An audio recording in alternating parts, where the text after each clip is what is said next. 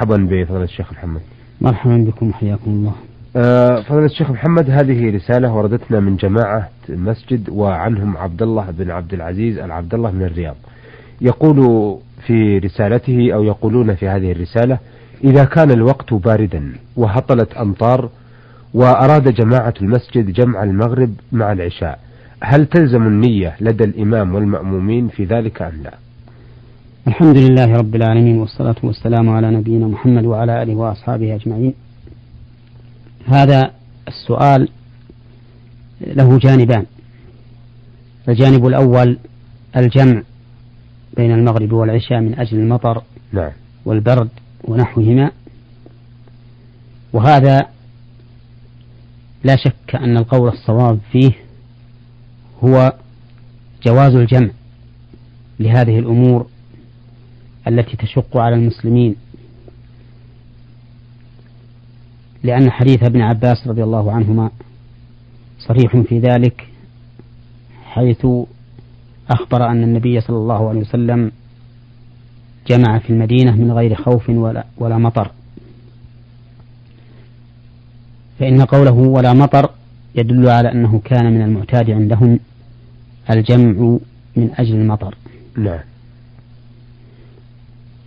وسئل ابن عباس رضي الله عنهما عن ذلك فقال أراد أن لا يحرج أمته أي أن لا يلحقها الحرج في أداء صلاة الجماعة. وهذا هو الموافق لروح الدين الإسلامي الذي قال الله تعالى عنه في معرض آيات الصيام يريد الله بكم اليسر ولا يريد بكم العسر. وقال سبحانه وتعالى وما جعل عليكم في الدين من حرج ملة أبيكم إبراهيم. فالحاصل أنه يجوز الجمع لأجل المطر الذي يلحق به مشقة وكذلك لأجل الريح الباردة التي يلحق الناس بها مشقة إذا خرجوا إلى المسجد. نعم. وإذا جاز الجمع فالعبرة بوجود السبب ولا يشترط النية وهذا هو الجانب الثاني للسؤال. نعم. على القول الراجح. فمتى وجد السبب وإن لم ينمو الجمع عند تكبيرة الإحرام في الصلاة الأولى فإن الجمع يسوغ لهم. وعلى هذا فلو طرأ العذر في أثناء الصلاة الأولى كما لو هطلت الأمطار أثناء صلاة المغرب فإنه يجوز لهم أن يجمعوا بين المغرب والعشاء وإن لم يكونوا قد نووا الجمع. وإن لم يكن السبب قد وجد عند افتتاح الصلاة الأولى. نعم. بل إنه على القول الصحيح الذي نرى أنه أصح وأن العبرة بوجود السبب لو لو لم ينمو إلا بعد السلام السلام السلام من المغرب فإنه يجوز لهم الجمع. نعم. إذ لا علاقة بين الصلاتين بالنية ولهذا لا تبطل إحداهما ببطلان الأخرى. حتى نقول لا بد من نية القرء بينهما وإنما المدار كله على وجود السبب. نعم.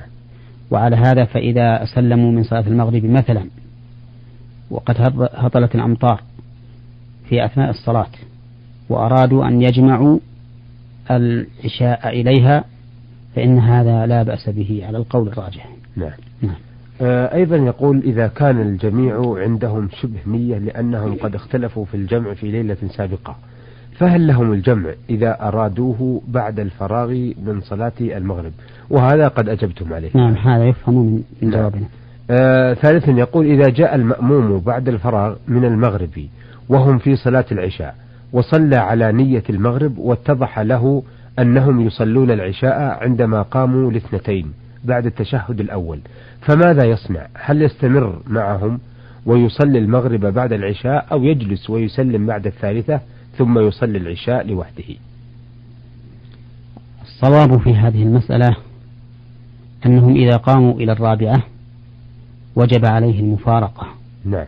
فيجلس ويتشهد ويسلم ويلحق الإمام فيما بقي من صلاة العشاء. نعم.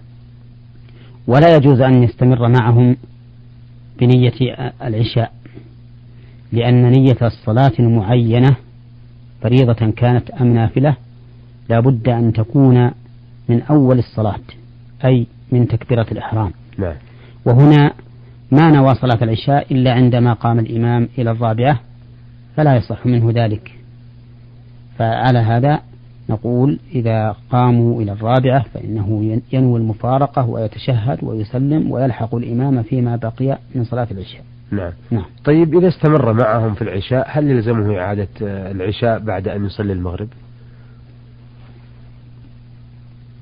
إذا استمر معهم بنية العشاء فقد قلنا إنها لا تصح الصلاة. نعم.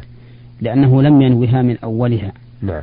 وعلى هذا فتقع نافلة ثم يصلي المغرب بعد سلام الإمام ثم يأتي بصلاة العشاء. نعم. نعم. آه، يقول أيضا إذا عارض مسلم بقية الجماعة في الجمع لأجل المطر والبرد لأنه لا يرى الجمع جائزا بسبب عدم وجود النية قبل الصلاة فأيهما أولى الصلاة مع الجماعة أو اعتزالها؟ أولا تقدم أن القول الصحيح أنه لا يشترط نية الجمع. نعم. وأنه يجوز أن يجمع يجمع الإنسان إذا وجد السبب ولو في أثناء الصلاة الأولى. نعم. والمعارضة إذا كان الإنسان يعارض عن تقليد أو عن اجتهاد فإنه لا يؤاخذ بذلك من جهة معارضته إذا كان هذا هو ما يستطيعه من تقوى الله عز وجل. نعم. وإلا فالواجب على المسلم إذا تبين له الحق أن يتبعه سواء كان ذلك موافقا لما كان يعتقده بالأمس أم مخالفا له. نعم. لأن المؤمن لا لا يتم إيمانه حتى يكون هواه تبعا لما جاء به النبي صلى الله عليه وسلم. نعم. فإذا عارضهم هذا المسلم وهو يعتقد أن هذه المعارضة صحيحة وأنها هي دين الله التي يقابل بها ربه يوم القيامة فإن له ما اعتقد ولا يلزم أحد بالقول باجتهاد أحد إذا لم تقم الحجة البينة الظاهرة على صوابه. نعم. على هذا نقول لهذا المعارض لا حرج عليك إذا لم تجمع وأنت ترى أنه لا يصح الجمع. نعم. ولكن نرى أن الأولى أن تصلي مع الجماعة بنية النافلة. نعم. لأن الشذوذ عن جماعة المسلمين أمر لا ينبغي.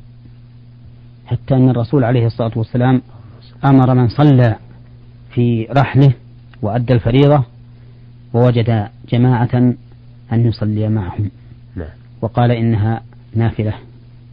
فالذي نرى أنه يصلي معهم وينويها نافلة وإذا دخل وقت العشاء صلى العشاء. نعم. نعم. آه، يقول إذا شك الإمام في جلوسه للتشهد الأول وهو في أثناء الركعة الثالثة والرابعة أو الرابعة ولم يسبح المأمومون فهل يلزمه سجود السهو أم لا؟ إذا شك الإمام في ترك التشهد الأول. نعم. فقد شك في ترك الواجب. شك في ترك الواجب. هل أتى به أم لم يأت به؟ وقد اختلف أهل العلم في هذه المسألة أي فيما إذا شك المصلي في ترك واجب كالتشهد الأول والتسبيح في الركوع أو السجود هل يجب عليه سجود السهو أو لا يجب؟ فقال بعض العلماء إنه لا يجب عليه أن يسجد للسهو. معللين ذلك بأنه قد شك في سبب وجوب السجود والأصل عدم وجود السبب. نعم. وذهب آخرون إلى أنه يجب عليه السجود السهو إذا شك في ترك الواجب أي إذا شك هل سبح أم لم يسبح هل تشهد التشهد الأول أم لم يتشهد فإنه يجب عليه أن يسجد للسهو. وعللوا ذلك بأنه بأن الأصل عدم فعل هذا الواجب. وإذا كان الأصل عدم فعل هذا الواجب وجب عليه سجود السهو. جبرا لما نقص. وهذا القول أصح وأحوط لأن تعليله أقوى و لأنه أبرأ للذمة. نعم. نعم. آه، قولكم أو قولهم الأصل عدم فعل هذا الواجب. نعم. آه، آه، نريد تفسيرا له. نعم. يعني مثلا الإنسان شك هل جلس للتشهد الأول نعم. وتشهد أم لم يجلس؟ فهل الأصل الجلوس أنه جلس ولا الأصل عدم الجلوس؟ طبعا إذا شككنا في وجود شيء أو عدمه فالأصل العدم. نعم. هذا الأصل. نعم. وعلى هذا فالأصل عدم الجلوس. الأصل عدم الجلوس. نعم. فيسجد. نعم. ولكن نلاحظ أنه إذا كان الإنسان كثير الشكوك فإنه لا يعتبر هذا الشك. لأن كثرة الشكوك تؤدي إلى الوسواس. فإذا أعرض عنها الإنسان وتركها فإن ذلك لا يضره. إن الشك لا يعتبر إذا كثرت الشكوك مع الإنسان لا في صلاته ولا في وضوئه. وكذلك إذا كان الشك بعد فراغه من العبادة فإنه لا يعتبر إلا إذا تيقن ما شك فيه. نعم, نعم. آه السؤال السابع والأخير يقول إذا انتهى المؤذن من الإقامة للصلاة فهل للإمام البقاء واقفا يدعو بما شاء قبل الأمر بتسوية الصفوف والشروع في الصلاة وأيهما الأولى والأحسن في حقه؟ لا أعلم في ذلك دعاء مشروعا للإمام ولا لغيره بعد انتهاء إقامة الصلاة. وإنما المشروع للإمام أن يحرص على تسوية الصفوف وإقامتها على الوجه المشروع بالتراص وتكميل الصف الأول فالأول. وبهذه المناسبة أود أن أبين أن كثيرا من الأئمة نسأل الله لنا ولهم الهداية قد فرطوا في هذه المسألة. فتجد الكثير منهم يلتفت يمينا وشمالا استووا استووا يقولها كلمة عابرة كأنها ليس لها معنى فهو يقول هذه الكلمة ولو كان الصف مستويا وهو يقولها ولا يحاول تعديل الصف المعوج إذا رآهم معوجين. نعم. وإنما يكتفي بها. وهذا من التفريط وعدم الحرص على اتباع السنة في ذلك. وكان رسول الله صلى الله عليه وسلم يحرص على تسوية الصفوف حتى كأنما يسوي, يسوي بها القداح نعم. عليه الصلاة والسلام. حتى إنه رأى رجلا باديا صدره ذات يوم فغضب وقال عباد الله لتسون صفوفكم أو لا يخالفن الله بين وجوهكم. وكان عليه الصلاة والسلام يمسح صدور أصحابه ومناكبهم يسوي صفوفهم. وكان يكبر إذا رآهم قد استووا. كل هذه الأشياء التي ثبتت عن الرسول صلى الله عليه وسلم نرى كثيرا من الأئمة يهملونها. فيكبرون وهم لا يرون أن الصف قد اعتدل أو استوى كما ينبغي.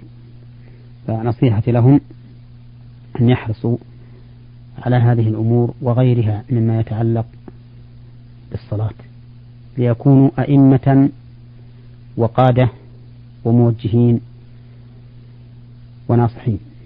نعم. إذا ليس للإمام مثلا الوقوف بمقدار الفاتحة يدعو فيها بينه وبين نفسه. لا أعلم في هذا سنة. أه. والذي ينبغي أن آه، كما أشرنا إليه نعم. أن يحرص في هذا المقام على تسوية الصفوف ثم يكبر. نعم. نعم. لكن هل له أن يكل إلى بعض الجماعة أن يساعدوه في تسوية الصفوف؟ أي نعم. له أن يفعل ذلك لأن هذا ثبت عن عمر وعثمان رضي الله عنهما أنهما قد وكلا أحدا بتسوية الصفوف. لا. سيما مع كثرتها مثل صلاة الجمعة أو وما أشبه ذلك. نعم أيها السادة إلى هنا نأتي على نهاية لقائنا هذا الذي استعرضنا فيه عدة أسئلة عن الصلاة. بعث بها جماعة من مسجد بالرياض وعنهم عبد الله بن عبد العزيز العبد الله. شكرا لهؤلاء الجماعة وعنهم عبد الله بن عبد العزيز عبد الله وشكرا لفضل الشيخ محمد الصالح تيمين الأستاذ بجامعة الإمام محمد بن سعود الإسلامية في القصيم وإمام وخطيب الجامع الكبير بمدينة عنيزة. حتى نلتقي بحضراتكم إن شاء الله تعالى في لقاء قادم. نستودعكم الله والسلام عليكم ورحمة الله وبركاته. نور على الدرب. برنامج يومي يجيب فيه أصحاب الفضيلة العلماء على أسئلة المستمعين الدينية والاجتماعية. البرنامج من تقديم وتنفيذ سليمان محمد الشبانة.